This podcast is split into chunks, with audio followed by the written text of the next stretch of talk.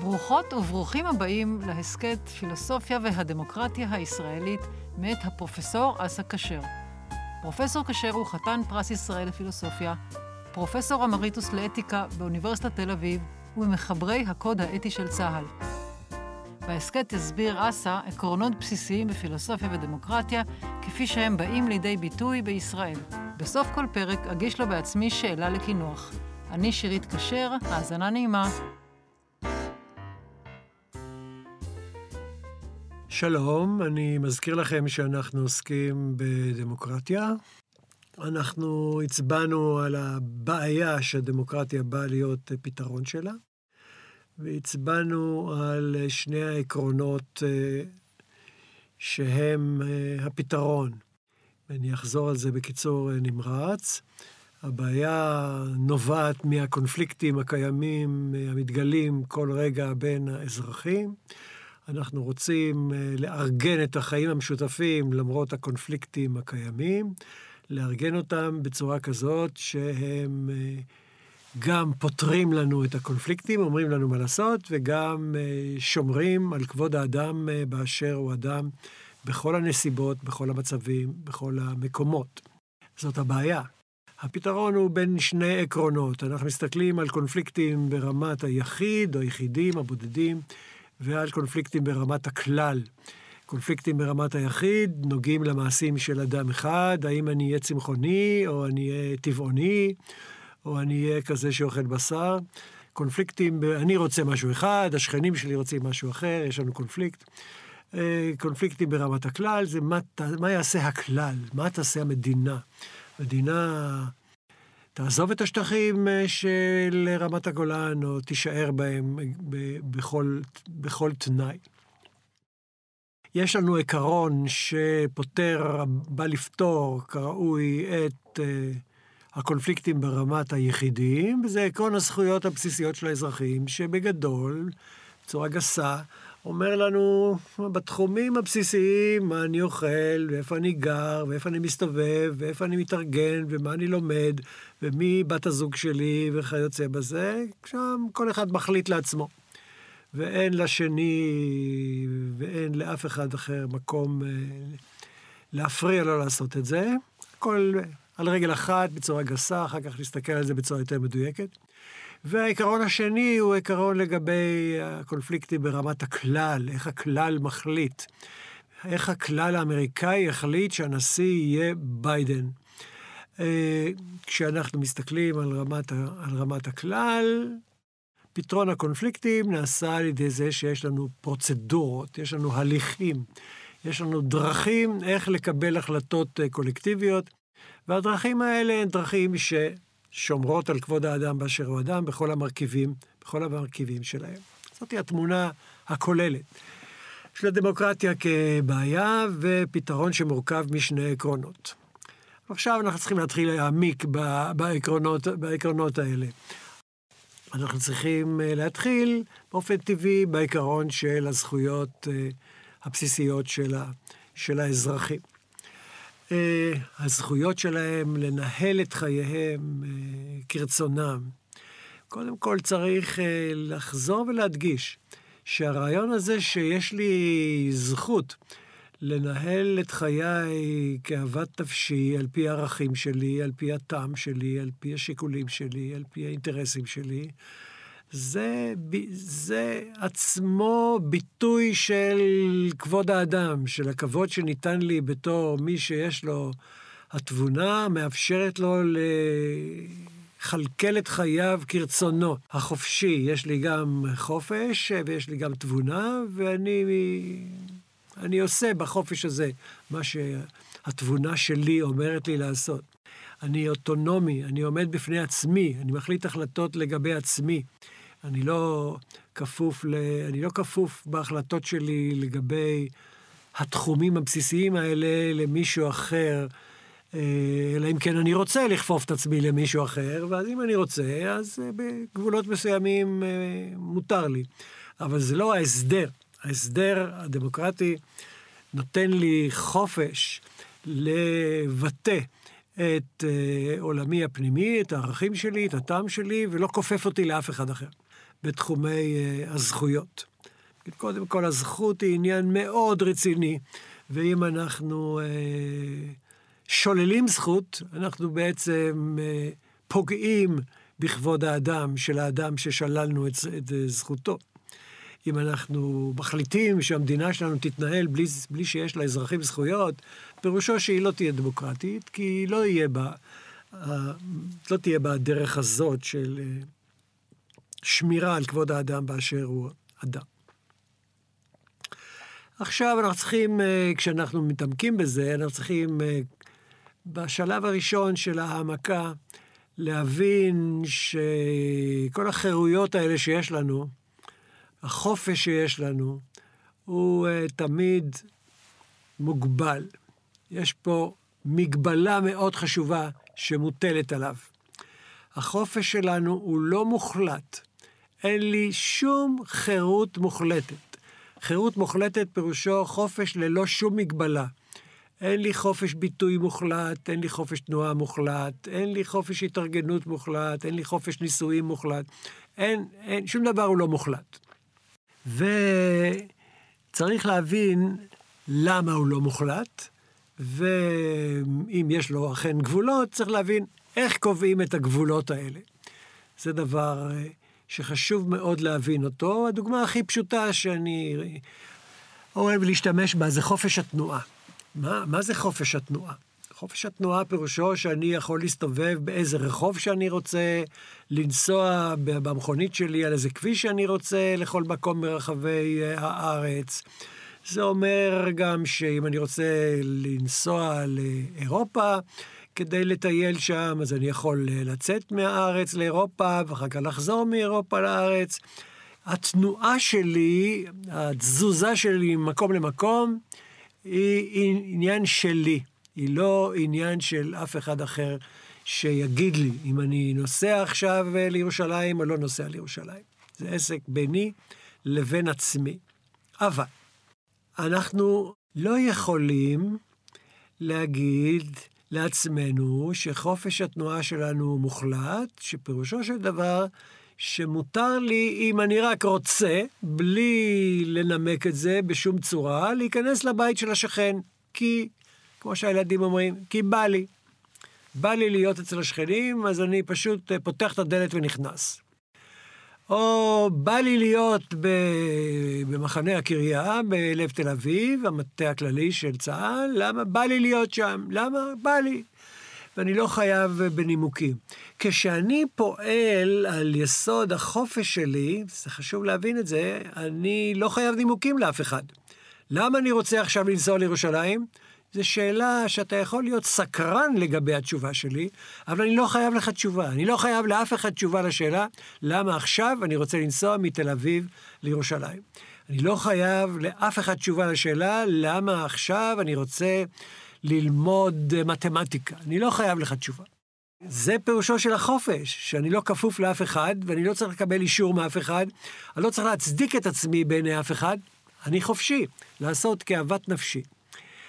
אבל אם אני נכנס לבית שלך בלי שאתה הרשית לי, אז אני פגעתי בזה מאוד, בפרטיות שלך.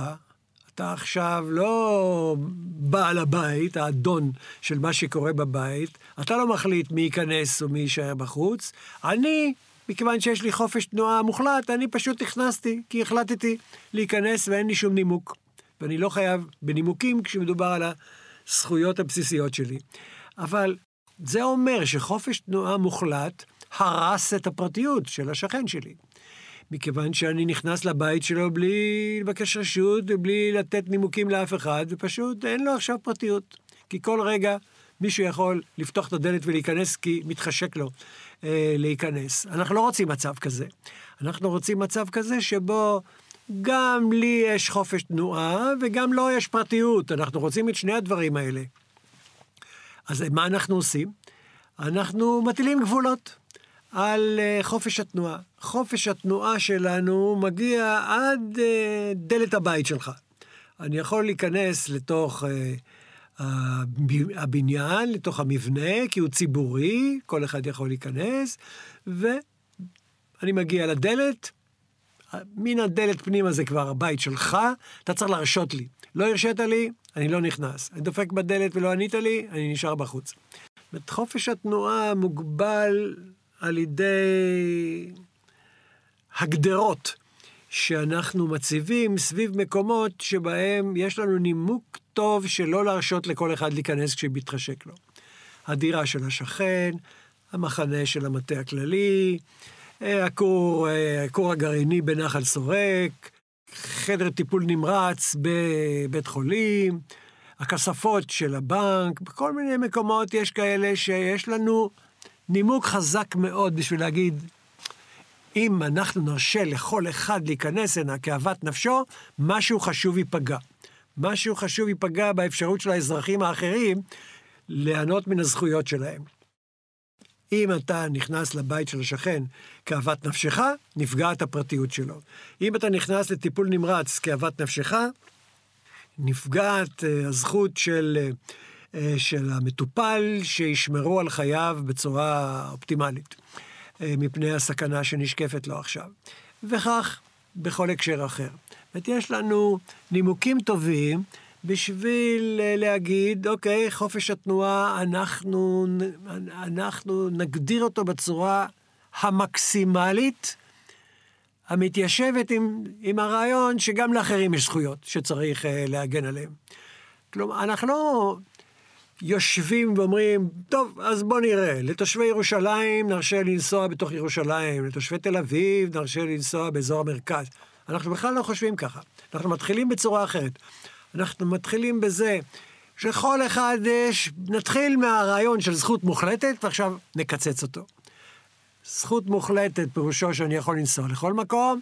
עכשיו, נוריד מזה מה שמוכרחים להוריד מזה. נוריד מזה טיפול נמרץ, נוריד מזה הבית של השכן, נוריד מזה כספות של הבנק, נוריד מזה את המחנה המטכ"ל, ואז אנחנו נשארים עם uh, חופש התנועה שלי. אפשר לקרוא לחופש תנועה כזה מקסימליסטי. הוא לא מקסימלי, הוא מקסימליסטי. הוא לא מקסימלי כי זה לא, לא מוחלט, כי לא לכל מקום אתה רשאי להיכנס רק אם מתחשק לך. אבל הוא מקסימליסטי במובן הזה של מה שיותר. כאילו, אני צריך נימוק בשביל להוריד קצת בחופש התנועה. אם אין לי נימוק בשביל אה, לכרסם בחופש התנועה, אז הוא ממשיך להיות שם. הוא מקסימליסטי. זה גבולות של החירויות במשטר דמוקרטי, הזכויות הבסיסיות האלה של האזרחים, החופש הזה הוא מקסימליסטי. אנחנו צריכים להבין שהרעיון הבסיסי הוא חופש, ואין ברירה, מוכרחים להגביל אותו, אבל להגביל אותו מה שפחות.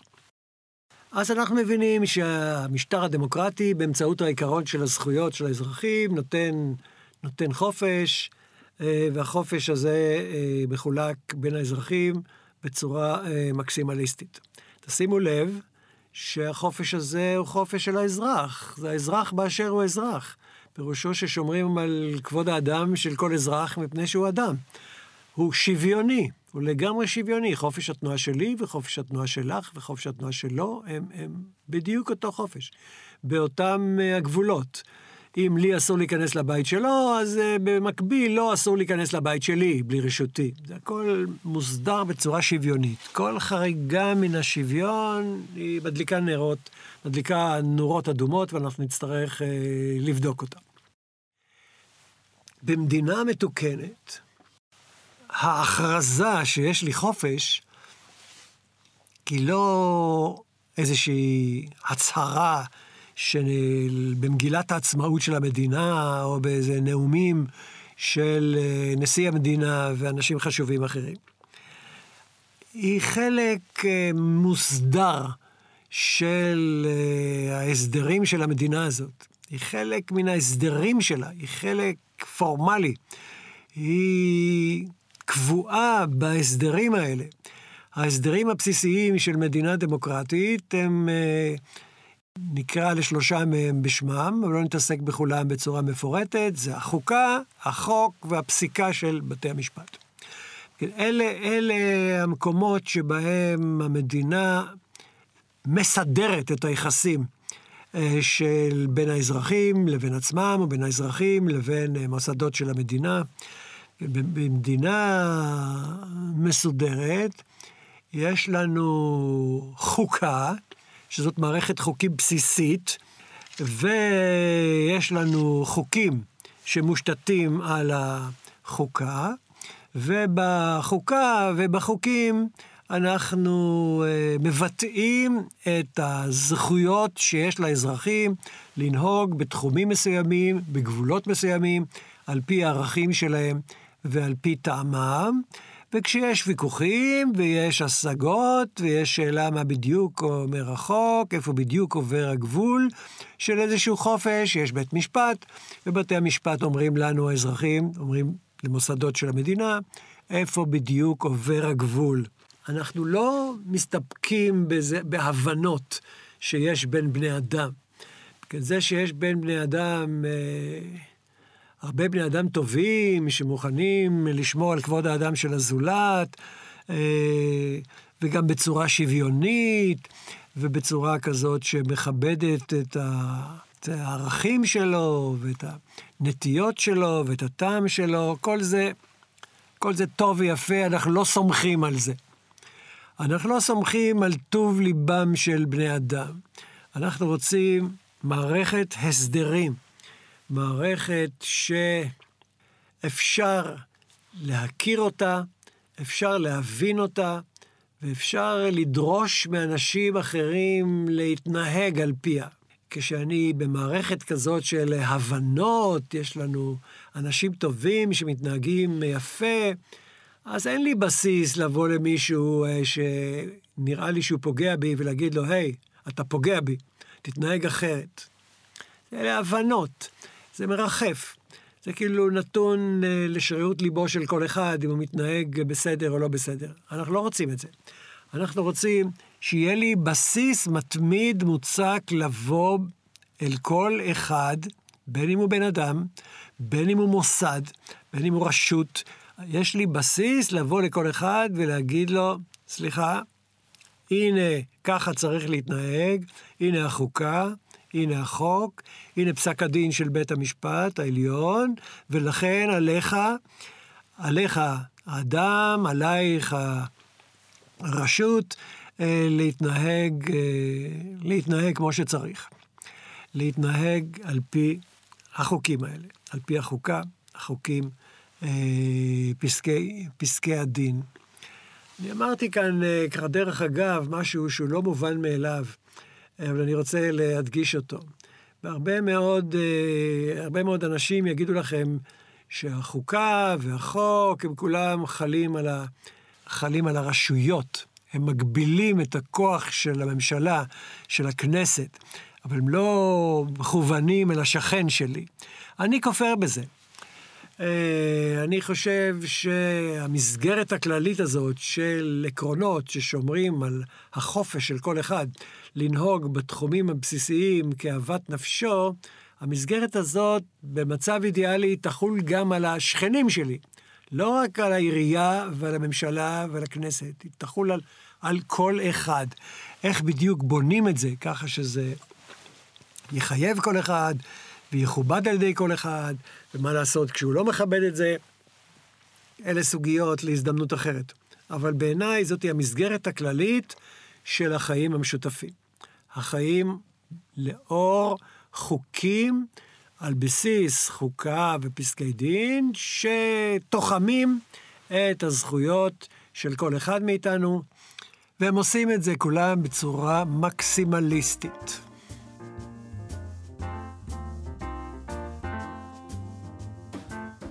שלום אבא. שלום שירית, מה נשמע? לא יכול יותר טוב היום. אמרת שגבולות צריכים להיות מקסימליסטים. השאלה שלי שוב, אני חוזרת לאותו נושא ששאלתי אותך גם בפעם הקודמת, הזכות לחיים היא מקסימליסטית במידה שאפשר לפגוע בה באיזשהו שלב? אה, קודם כל, החיים, השמירה על החיים, הרצון לשמור על החיים, זה דבר חשוב להפליא. בסופו של דבר אין דבר יותר חשוב ממנו. אבל כן, אנחנו שולחים חיילים להילחם. וכשאנחנו שולחים אותם להילחם, המצבים הם לפעמים מסוכנים, ויש סכנה לחייהם. למרות שיש סכנה לחייהם, אנחנו מרשים לעצמנו לשלוח אותם לשם, כי אנחנו עושים את זה כדי להגן על החיים של אנשים אחרים. אנחנו עושים את זה תוך הגנה על החיים. אבל כדי להגן על החיים צריך גם לסכן קצת את החיים, ולכן אנחנו מרשים לעצמנו לעשות את זה. אבל לא בהקשרים אחרים. זה ההקשר היחיד לשמור על חיים אחרים, אפשר לסכן אבל אפשר להגיד שלהם. שגם אנחנו עושים את זה כשמדובר על המשטרה, אה, שהשוטרים לפעמים מוצאים את עצמם בעימות אה, חריף עם אה, עבריינים שמסכנים את, את שלום הציבור, את חייו. אז גם השוטר, אנחנו מרשים לעצמנו לדרוש ממנו לפעול במצבים מסוכנים. אבל לא יותר מזה. לא יותר מזה. יש כאן בעצם מצב שבו חיים של אחד שווים טיפה פחות מאשר חיים של אחרים? הם לא שווים פחות, הם, אה, אה, הם שווים אותו דבר בדיוק, אבל יש איזה... יש איזה חלוקת עבודה, אוקיי? עכשיו אתה בן 20, כשהיית בן 2, אז אבא שלך היה בצבא, וסיכן את חייו כדי שאתה והאחים והאחיות שלך אה, תישארו בחיים. עכשיו, אתה בן 20, אתה בצבא, ואתה מסכן קצת את חייך כדי לשמור על חיי הילדים שלך מצד אחד, ואם יש לך, וההורים שלך מצד שני, וכל, וכל שאר האזרחים. את כל אחד בתורו. אם המדינה הייתה מסודרת כמו שצריך, היינו אומרים, כולנו מגינים על כולנו. כל אחד בתורו. אבל אנחנו לא מדינה שמסודרת כמו שצריך, לכן זה חצי מאיתנו מגינים על כולנו, והחצי השני יושב, אה, לא יודע מה עושה. אה, בכל אופן, לא משתתף בהגנה של כולנו על כולנו. אבל הרעיון הבסיסי, מתחת לשירות חובה, אה, שכולל גם את האפשרות של המדינה לשלוח חיילים למשימות מסוכנות, הוא המודל הזה של כולנו מגינים על כולנו. כל אחד בתורו. שזה בעצם חזרנו לעקרון השוויון, שהוא כל כך קריטי נכון. במשטר דמוקרטי. כל אחד בתורו, כל אחת בתורה, וכל סטייה מזה, כמו שאמרתי קודם, כל סטייה מן השוויון היא דולקת נורה אדומה. אם תרצי, נדבר אה, לחוד על כל הסיפור הזה של צבא וגיוס. ברור שאני ארצה. אוקיי. שאלה אחרת. אמרת שהחוקה בעצם קובעת, אה, או הקולקטיב שמחוקק את החוקה בתחילת דרכו, הוא זה שקובע, או בתוכה נקבעים זכויות היסוד של האנשים. אבל תראה, מדינת ישראל, אנחנו 70 שנה, אין לנו חוקה. מה, לא סבבה פה? מדינת ישראל היא מדינה לא נורמלית. בוא נקרא לילד בשמו. חוץ מבריטניה וישראל, אין מדינה דמוקרטית בעולם שאין לה מגילת זכויות האזרח ברמה חוקתית. ברמה של מסמך בסיסי שהוא קובע, הוא קובע את הזכויות. עכשיו, אה, אנחנו עשינו, אני לא יודע אם כל הקהל אה, ער לזה. אנחנו עברנו בהתחלת הדרך של מדינת ישראל מהפכה שלטונית מחוצפת, שאי אפשר לסבול את זה. אני רק מדבר על זה, אני מתחיל להתעצבן. מה ההורים שלי, אני זוכר אותם, הולכים להצביע בבחירות הראשונות במדינת ישראל. למה? אני הייתי ילד קטן, והם היו איפה? ההורים שלי. איפה זה? איפה זה, איפה זה קרה? כן. בעיר ראשון לציון. ואז גרנו בראשון לציון. ואלה היו בחירות לאספה המכוננת. כלומר, אלה היו בחירות לאותו מוסד שישב ויחליט מהי החוקה. יכתוב חוקה, ואחרי שהוא יכתוב חוקה, החוקה תכלול בין השאר גם תשובה לשאלה איך עושים בחירות. אז אחרי שהוא יכתוב חוקה, אז הוא יתפזר, ואז בהתאם לחוקה שאותה הוא כתב, האזרחים ילכו ויבחרו, ויבחרו את הכנסת הראשונה שלהם. מה עשתה האספה המכוננת ברוב חוצפתה? היא החליטה שהיא לא האספה המכוננת, היא החליטה שהיא הכנסת הראשונה. היא החליטה שהיא הפרלמנט. ואת החוקה לא תכתוב האספה המכוננת עכשיו, בהזדמנות זאת, אלא לאט לאט יכתבו חוקי יסוד. אוקיי? עברו 70 וכמה שנים, עוד לא גמרו לכתוב את חוקי היסוד, במיוחד בתחומי זכויות האזרח. יש רק שניים, חוק יסוד כבוד האדם וחירותו וחוק יסוד חופש העיסוק.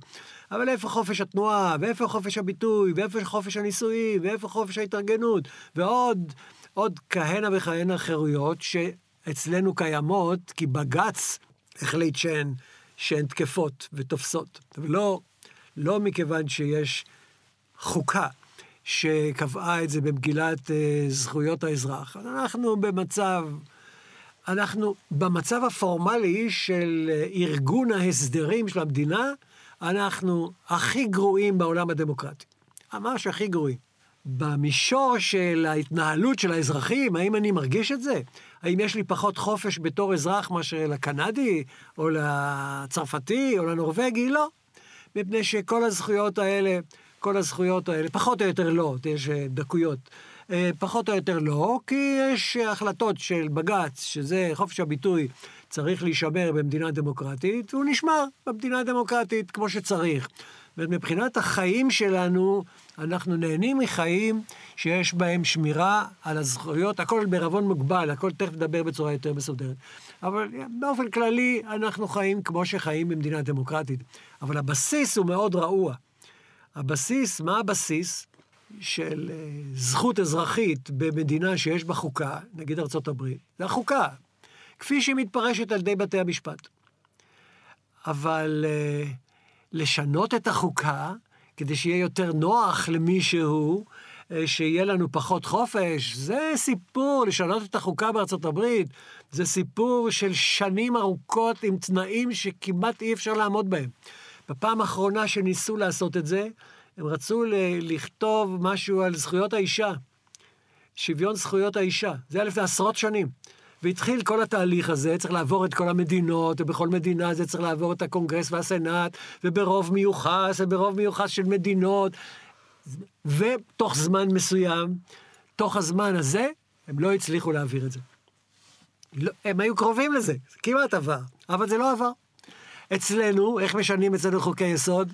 היי, ינקלה, זה לא נוח לנו החוק הזה, בואו נשנה את זה קצת. בסדר? בואו נשנה, טוב, יש לנו 61, כן, הנה, 61, שינינו את, אה, את חוק היסוד הזה, שינינו את החוקה. טוב. אנחנו, אנחנו לא פועלים, לא פועלים בצורה שיש בה יחס של כבוד להבחנה הזאת בין אה, חוקה לבין חוק, ככל שזה מתבטא בהיסטוריה של האספה המכוננת. מה שקרה, מה שקרה, הוא צריך להבין את הרעיון. אספה מכוננת היא גוף קונסנזואלי. זה גוף שמחפש קונסנזוס. הוא רוצה לקבל החלטות לא ברוב של 51 נגד 49, הוא רוצה לקבל החלטות פה אחד, או ברוב של 99 נגד 1. ולכן הוא מחפש הסכמות, הוא, הוא קונסנזוס, הוא יוצר קונסנזוס, רוצה לבטא קונסנזוס. פרלמנט לעומת זאת, כנסת, באופן טבעי, אני לא מתלונן על זה, זה גוף עימותי, יש מפלגות, כל אחד יש אג'נדה, הם רוצים כל אחת לבטא את האג'נדה שלה בפעילות של הכנסת והממשלה. אה, אתה לא נותן לגוף עימותי כזה את הפרויקט של אה, יצירת קונסנזוס, כי הוא מטבעו לא כזה. הוא מטבעו לא כזה. היה פעם, הייתה הצעת חוק יסוד זכויות במשפט. איזה זכויות יש לאזרח? כשהוא, אני יודע, מול המשטרה, הפרקליטות, בית המשפט, זכויות במשפט. הייתה הצעת חוק שאף אחד לא היה לו מה להגיד נגדה. לא כי לא נתנו להם הזדמנות. כשהם דיברו על הסעיפים של הצעת החוק, אף אחד לא מצא פגם בנוסח הסופי הזה שהתגבש. אבל כשהגיע הזמן להצביע על זה, אז המפלגות החרדיות הצביעו נגד. למה? למה הצבעתם נגד? למה נגד עכשיו? למה, למה הפעם? למה נגד? זה מאותו נימוק שאנחנו שומעים גם היום. כי ברגע שיש חוק יסוד עם זכויות, זה מחזק את בית המשפט. אבל הם לא רוצים לחזק את בית המשפט, אין להם מושג מה זה בית משפט, מפני שאין להם מושג מה זה דמוקרטיה, אז הם רוצים להחליש את בית המשפט, לא לחזק את בית המשפט, לכן הם הצביעו נגד זה, למרות שהייתה הסכמה מקיר אל קיר על התוכן של הצעת החוק הזאת. אני חושבת שגם חוששים מהשוויון. אבל זה לא היה מקרה, זה לא מקרה. שיש שוויון בתחום של, אה, בתחום של זכויות במשפט, זה לא, זה לא המקום. טוב, אי אפשר לא לדבר על אה, חוקי, אי אפשר לדבר על חוקי היסוד שלנו בלי להגיד מה קרה להם בשנה האחרונה.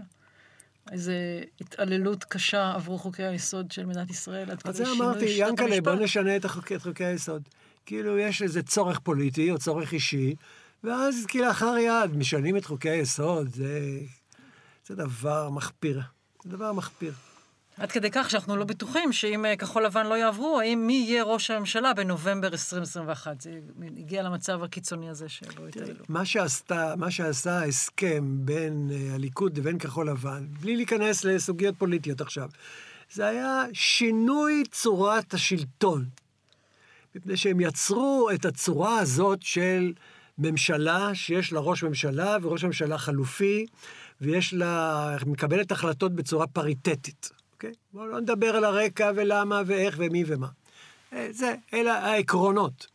העקרונות של פריטטיות לא היו קודם, העקרונות של ראש ממשלה חלופי לא היו קודם. זה שינוי אדיר ב- ב- בחוק, בחוקה. אבל איך, באיזה קלות השינוי האדיר הזה עבר? ככה ממש, תוך פרק זמן קצר, בלי דיון ציבורי של ממש, עם רק איזה דיון במחשכים בין אה, נציגי המפלגה הזאת ונציגי המפלגה ההיא. זה לא יחס הרציני לחוקה במדינות דמוקרטיות שיש להן חוקה בתחומי זכויות האזרח או בתחומים אה, אחרים. תודה רבה.